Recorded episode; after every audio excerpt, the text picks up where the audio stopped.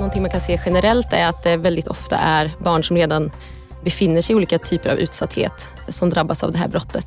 Och tittar vi dessutom på de här sugar dating-sidorna så, så har man ju som krav på de här sidorna att man ska vara 18 år och äldre. Det här gör ju också att när man är ute och tittar på de här sidorna så, och ska identifiera de här barnen så blir det också ganska, ganska svårt. Det är väldigt resurskrävande.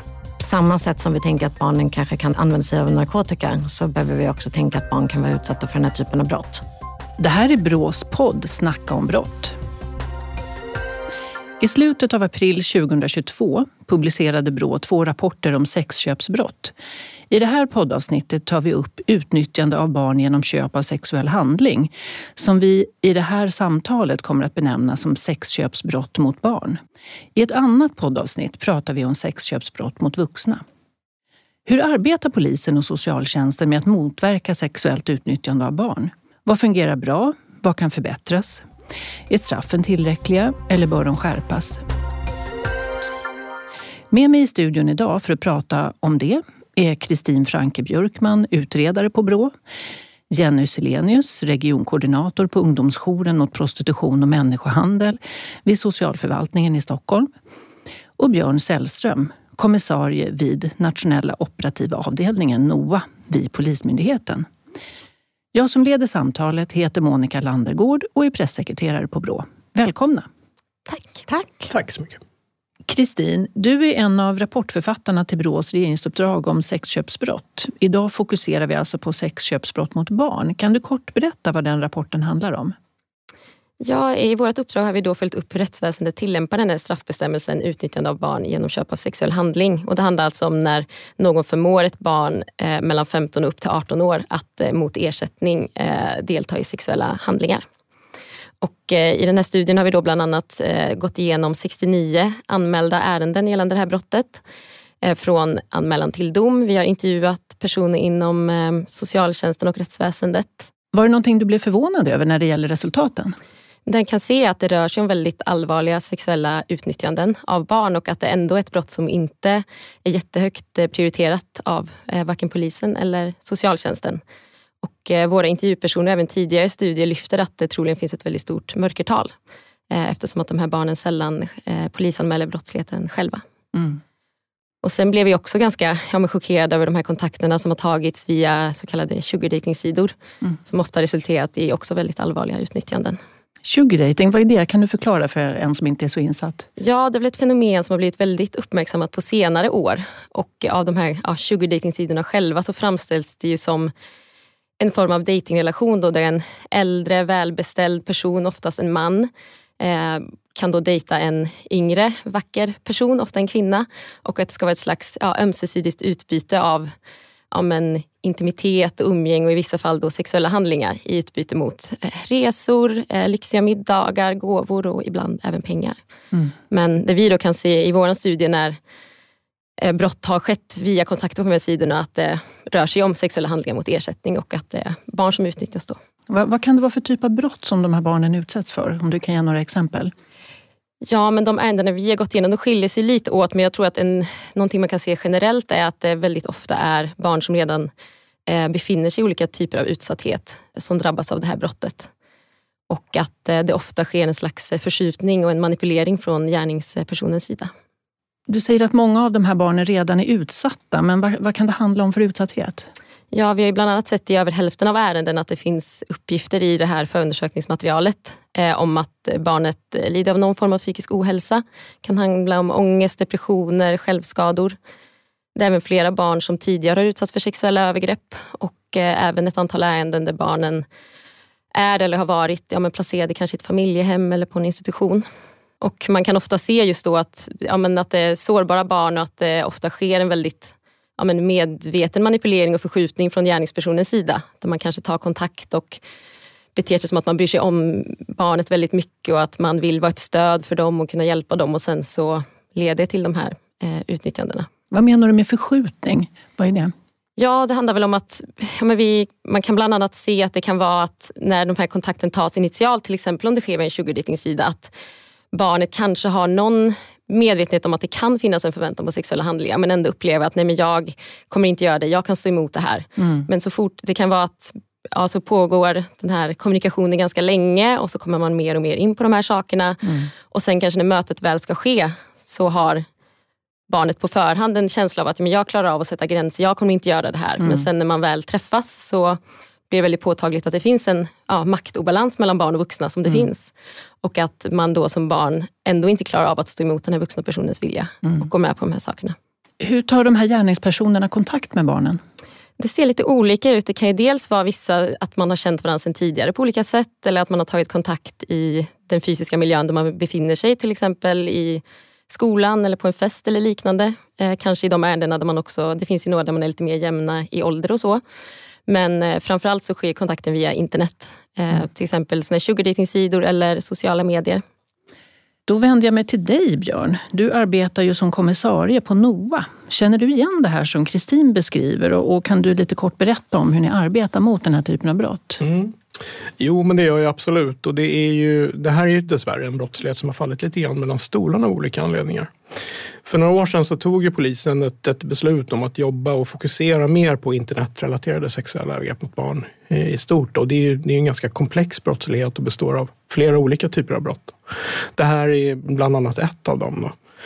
Tyvärr så har det här legat lite grann då liksom pendlat mellan eh, eh, om det ska ligga på människohandelssektioner eller grova brottssektioner. Och det skiljer sig lite grann. Men nu har man ändå tagit ett beslut om att man ser att det är viktigt att det ligger på, på en, en, en, en avdelning av, med specialister som är vana att hantera just internetrelaterade sexuella övergrepp.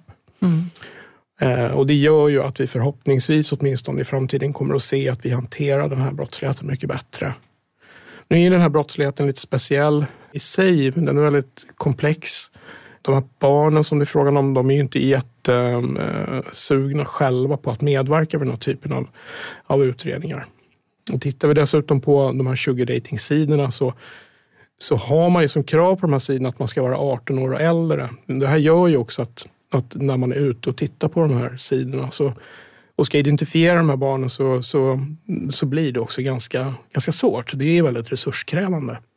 Men jag ser också att Brå konstaterar ju i, i, rapporten som vi publicerade här nyligen att polisen och även socialtjänsten för den delen behöver arbeta mer uppsökande för att kunna identifiera utnyttjade barn och få gärningspersoner dömda. Alltså att det, det sker för lite sånt arbete idag. Håller du med om det? Jo, men det gör jag absolut. Det, visst är det så. Eh, men som jag var inne på, att eh, det är en, det är en väldigt komplex och svår eh, brottslighet att jobba mot och vi behöver absolut bli, bli bättre på det. Sen tidigare finns det en metod framtagen för hur man kan jobba på, på just de här sugardating-sidorna. Nu är ju inte sugardating-sidorna det, det, liksom det enda, det enda stället där barn eh, faller offer för sexuella utnyttjanden på nätet. Då. Så att, tittar man också på på de anmälningarna som kommer in kring det här så är det ett förhållandevis lågt antal. Och det är klart att det finns skäl att tro att det är underrapporterat, absolut. Men det gör ju också att vi får ju försöka resurssätta på liksom bästa möjliga sätt. Då. Men självklart så är det olyckligt och precis som du var inne på tidigare här att de här barnen är ju inte alls liksom lever i den här glamorösa miljön som man tycker att sugar dating egentligen hänvisar till. Utan tvärtom så är de ju som regel ganska trasiga de här, mm. de här barnen och har en historik kring missbruk. Många har ju varit eh, placerade eh, på olika institutioner. Man har sålt sex tidigare. Så att det finns ju såklart en, en, eh, en väldigt olycklig bild hos de här flickorna och mm. pojkarna. Vad tycker du att polisen behöver göra då, som ni inte gör idag? Ja, det är mycket vi behöver göra som vi inte gör idag. Så för det första så behöver polisen eh, bli mycket bredare i, sin, i, i, i, sitt arbete kring det här. Det finns en bra kompetens inom polisen för att hantera den här typen av brott. Men det är alldeles för få eh, poliser som jobbar med det.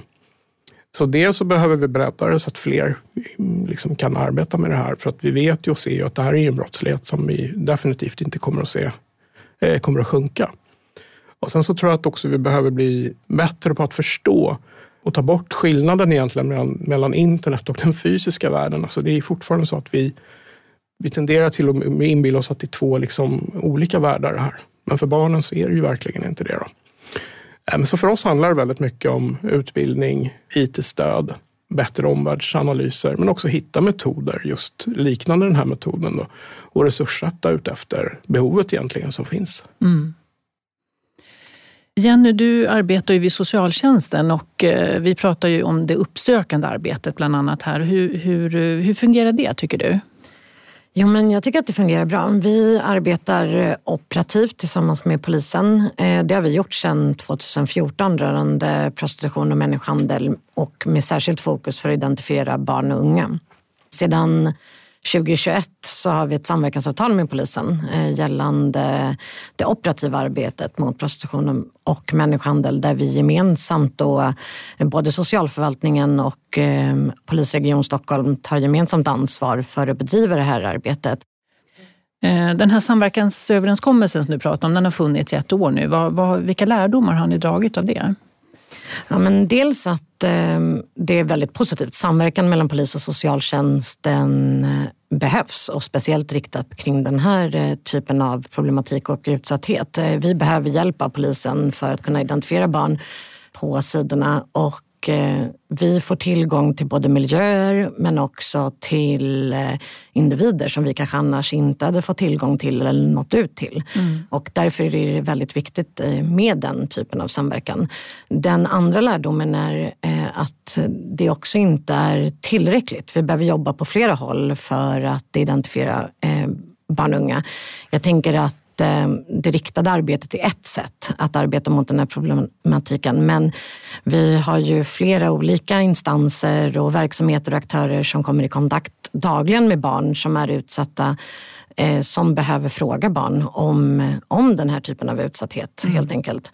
Eh, för att det räcker inte, det är inte tillräckligt helt enkelt med det arbetet som vi gör. Nej. Vi träffar väldigt många barn och unga men i relation till hur många som är utsatta så skulle jag säga att vi träffar en väldigt liten procent och det finns flera olika sätt som vi kan nå ut med stöd. Och det operativa arbetet tillsammans med polisen är ett sätt att eh, hitta barn och unga som är utsatta för den här typen av brott. Och, eh, se till att de får stöd och skydd och, och i största möjliga mån försöka eh, stoppa de här typen av övergreppen helt enkelt och framförallt identifiera förövare som kan lagföras för den här typen av brottslighet. Eh, men det är inte heller tillräckligt och eh, i den verksamheten träffar vi ju riktade, alltså den verksamheten är extremt riktad och vi behöver identifiera barn och unga på flera olika sätt. Eh, I en verksamhet som möter eh, ett större antal barn helt enkelt. Skola, jag pratar om socialtjänst. Ja, du nämnde instanser ja. tidigare. Vad, vad, mm. vad, tänker du då? Vilka instanser är det? Är det skolan är en instans till Skola. exempel som behöver ställa frågor? Skolan är en sån instans. Jag tänker att socialtjänsten, eh, öppenvårdsinsatser eller verksamhet som bedriver öppenvårdsinsatser. Vi i alla instanser nästan där man träffar barn och unga skulle man kunna fråga om den här typen av utsatthet. Och i relation till det som Kristin sa tidigare, att det finns flera olika typer av sårbarheter hos barn eller utsattheter eh, sedan innan, så ser vi att det är väldigt lätt att tänka missbruk, det är väldigt lätt att tänka eh, självskadebeteende, det är väldigt tänk, lätt att tänka eh, olika former av utsatthet, men det är väldigt sällan vi ställer frågor kring den här typen av utsatthet när vi träffar barn. Eh, och eh, eh, samma sätt som vi tänker att barnen kanske kan använda eh, använder sig av narkotika så behöver vi också tänka att barn kan vara utsatta för den här typen av brott. Ja, det finns det nog en hel del kvar att mm. göra, för, inte bara för polisen och socialtjänsten utan även andra. Det är väl det som är viktigt också att, att tänka på, att det är så lätt att vi kanske fastnar i att vems, vems ansvar är det här mm. egentligen? Det är, det är polisen som ska ansvara för det, nej det är socialtjänsten som ska ansvara för det det är lite som du är inne på, det, är, det, är egentligen, det här är ett samhällsproblem. Mm. Så att alla som har möjlighet och, och liksom en, en, har ju också ett ansvar kring att göra sin lilla del i det här. Mm. Um, jag tror att det är så lätt att liksom, peka åt ett håll och säga att nu får ni ta hand om det här därför att det är ett brott. Jo. Mm. Och sen är det ju, det är ju svårt också, eller kan vara svårt att nå de här, de här ungdomarna. Eftersom de redan har en, en, en, en problembild så är de ju inte nödvändigtvis att, de, att man hittar de här i skolan. Eller man hittar dem inte på de här, i, de, liksom i de här normala sociala sammanhangen. Och därför är det också viktigt att tänka att vi måste ju lära barn väldigt, väldigt tidigt eh, vikten av eh, att hantera eh, ja, men den här typen av problematik. Mm. Så att man stärker barn i väldigt, väldigt, väldigt, väldigt tidig ålder. För när de har kommit så här långt, då är det ju, jag ska inte säga att det är för sent, men de de kommit så långt så att, så att det är svårare liksom att, att nå dem. Då. Mm. I Brås rapport, Kristin, har, har ni även gått igenom domar och påföljder. Vad, vad kan du berätta om det? Ja, precis. Eh, vi har dels gått igenom utdömda påföljder i de här ärendena då, som anmälda 2019. Och då var det totalt 20 ärenden som resulterade i en fällande dom. Men eh, man gjorde en straffskärpning gällande det här brottet år 2020 och då höjde man straffskalan. Då, så tidigare var det böter eller fängelse i upp till två år. Men då tog man bort böter i straffskalan och höjde maxstraffet så att det nu är fängelse i upp till fyra år som man kan dömas för. Så därför gjorde vi även en kontroll av brott som har anmälts efter den här straffskärpningen och domar som har kommit eh, där. Och eh, det vi kunde se var att eh, det är väldigt ovanligt med fängelsestraff. Eh, av de ärendena både då innan och efter den här straffskärpningen så är det inget ärende där det har lett till ett fängelsestraff när det här utnyttjande av barn genom köp av sexuell handling är huvudbrott. Alltså att påföljden mm. inte omfattar några grövre brott. Och det är, det är lite förvånande eftersom att vi kan se i många ärenden att det finns eh, mycket försvårande omständigheter och enligt den här lagstiftningens förarbeten så ska ju det kunna motivera ett straff som i den högre delen av straffskalan. Mm. Vad skulle försvårande omständigheter kunna vara om du förklarar för en som inte är så insatt? Ja, det som, finns, eh, som vi kan se i ärenden och som då finns i de här förarbetena det handlar bland annat om att eh, barnet har varit påverkat av alkohol eller narkotika. Det är inte helt ovanligt att, att gärningspersonen till exempel har bjudit på alkohol i samband med den här träffen. Eh, det finns också exempel där eh, själva de sexuella handlingarna skett på väldigt isolerade platser. Att gärningspersonen kanske har kört ut med barnet i en bil någonstans på en skogsväg. Mm.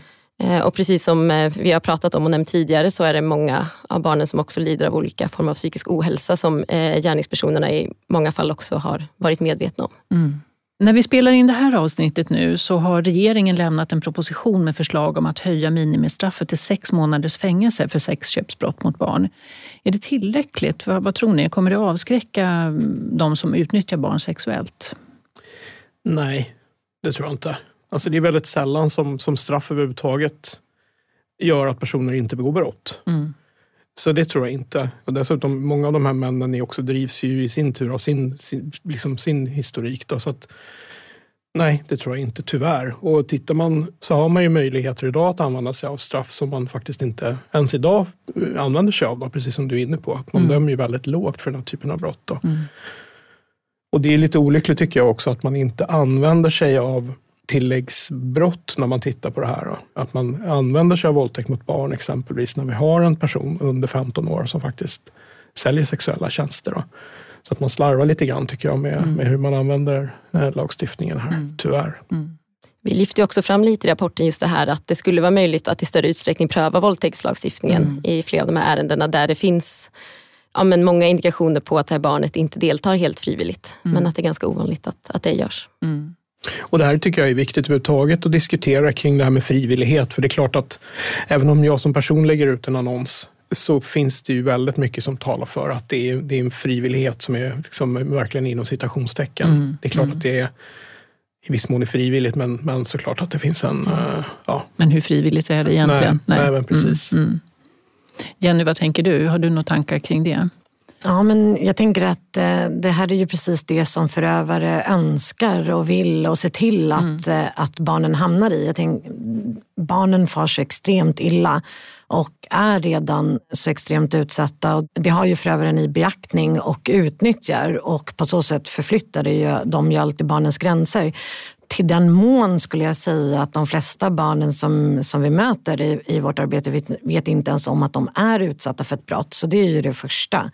Eh, och jag tänker i, i att det är väldigt svårt att söka sig till stöd och hjälp när man inte vet heller att man är utsatt. Och, och genom att man lägger på en, eller genom att man som förövare betalar ett barn för att utnyttja den så lägger, påför man ju en extra nivå av skuld och skam vilket eh, gör att barnen aldrig kommer söka sig till stöd och skydd på egen, egen hand. Och det är därför det är så himla viktigt att vi är de som sätter stopp för det. Det är vi som aktivt arbetar mot, eller vi vuxna som arbetar mot de här frågorna och inte lämnar det ansvaret på barn. Eh, och att vi också förflyttar flyttar det ansvaret till förövaren. För vi pratar väldigt ofta om barnens utsatthet och barnens frivillighet och vi pratar väldigt ofta om att vi behöver identifiera barn. Men vi pratar väldigt sällan om att vi behöver identifiera förövare för att stoppa övergrepp. Och det tänker jag blir eh, en extremt viktig del i det här med påförandet av, eller att avlasta barn från den typen av skuld är ju också att lägga fokuset på, på förövaren. Och det tänker jag att genom att vi höjer eh, höjer minimistraffet till sex månader så visar det i alla fall på samhällets inställning till det här brottet och som kanske genererar mer till, till barnen i slutändan. Men jag håller nog med Björn här om att det, jag tror inte att det kommer avskräcka någon från att, eh, att fortsätta göra det. Och det handlar ju återigen om eh, många gånger att det är väldigt svårt brott att, eh, att stoppa mm. eller hitta och identifiera förövare mm. i. Och ni Jenny och Björn, ni jobbar ju med och mot de här eh, fruktansvärda brotten som vi pratar om idag. Ni jobbar ju med det varje dag. Hur, hur orkar man jobba med den här typen av brott? Med barn som far så otroligt illa. men jag tycker, nu jobbar inte jag så jätteoperativt längre, men jag har jobbat med den här brottsligheten länge och jag tycker att det är, eh, det är otroligt värdefullt och väldigt givande att jobba med, med den här brottsligheten. Det ger otroligt mycket tillbaks tycker jag. Vad är det du får tillbaks? Um, ja, vetskapen om att man jobbar kanske med de som är eh, eller en av de mest skydds, ehm, liksom skyddslösa grupperna i samhället eh, som väldigt ofta inte syns och inte hörs. Varje gång man, man hittar, identifierar både ett offer och en förövare så, så ger det otroligt mycket tillbaka. Och att jobba i, liksom i ett sammanhang tillsammans med andra människor som jobbar så otroligt dedikerat, det är mm. otroligt värdefullt. Mm. Jenny då, vad säger du? Um, jo men eh, det är klart att, eh, att det är väldigt utmanande och jag tänker i eh, att förhållningssättet för min del handlar om att, att det barnen blir utsatta för är ju om ännu allvarligare. Och ehm, jag tänker att det är väldigt viktigt att, eh, att Eh, fokusera på lösningar i, och både då är det i, i mötet med en individ som är utsatt men framförallt också att, att försöka förändra och förbättra för eh, målgruppen generellt på mm. olika sätt. Det blir väl min, en del i min, mitt sätt att hantera eh, hantera den här typen av utsatthet. Sen, sen måste jag säga att det är väldigt lätt tror jag att man eh, kanske härdar. Eh, man, man eh, hittar sätt för att härda sig själv i det mm. och det försöker jag vara väldigt ödmjuk inför för jag vill inte bli härdad kring mm. det här. Jag vill, jag vill eh, tvärtom. Men däremot så är det viktigt med det att få handledning kontinuerligt mm. och ha bra kollegor som man får stöttning av. Och, eh, att man också har roligt på sin arbetsplats mm. och, för att orka. Och jag mm. tänker den energin eh, brukar ju också spegla av sig i arbetet. Så det är väldigt viktigt att hämta positiv energi. Mm. Det är det. Sen är det viktigt, precis som du är inne på, det är ju en sak att att liksom hitta sina egna verktyg för att kunna hantera det. Men det betyder inte att man inte, att man inte får känna någonting inför det. Men utan däremot måste man lära sig hantera känslorna. Liksom, mm. Så att man inte... För att det gagnar ingen egentligen att man mår så dåligt av det så att man inte kan jobba med det. Nej. Utan det är det man måste lära sig lite grann. Men fortfarande att ha liksom engagemanget. Mm. Men vad, vad, skulle ni säga är de viktigaste faktorerna för att förhindra att barn utnyttjas sexuellt? Ja, det var ju lite det som eh, Jenny var inne på här förut också. Att vår studie har fokuserat mycket på just rättsväsendets hantering av den här brottstypen. Men det är klart att det är en problematik som väldigt många instanser i samhället behöver eh, ta ett gemensamt ansvar för. Och sen då som vi lyfter fram i rapporten just att eh, eh, polisen och socialtjänsten behöver arbeta uppsökande och få ett bra, en bra samverkan kring det som man till exempel har börjat jobba mer här i Stockholm då, där Jenny jobbar med den här samverkansöverenskommelsen. Mm. Eh, och sen Björn var också inne på det att nätet är en helt ny arena där polisen kanske behöver bli mer närvarande för att också finnas tillgänglig för barn att ta kontakt med om man behöver stöd. Och sen handlar det ju också om, alltså jag varit inne på, som jag tror du pratade om igen, att eftersom många av de här barnen tar på sig mycket skuld kring att det har hänt. De känner sig medskyldiga, de, de vet inte ens att har blivit utsatta för brott. Så handlar det återigen att att lära barn att skydda sig och att lära barn att de faktiskt är utsatta för brott och att det inte är deras fel. Även om det är så att de har liksom tagit, gjort frivilliga val eller mm. hur man vill uttrycka det. Så det är fortfarande alltid gärningspersonens fel. Mm. Och det, är ju, det där låter ju så himla enkelt men det är ju otroligt svårt att nå alla barn också. Eh, man skulle ju verkligen önska att det var så enkelt som det låter men det, det, ju, det handlar väldigt mycket om att stärka barn så tidigt som möjligt. tänker jag.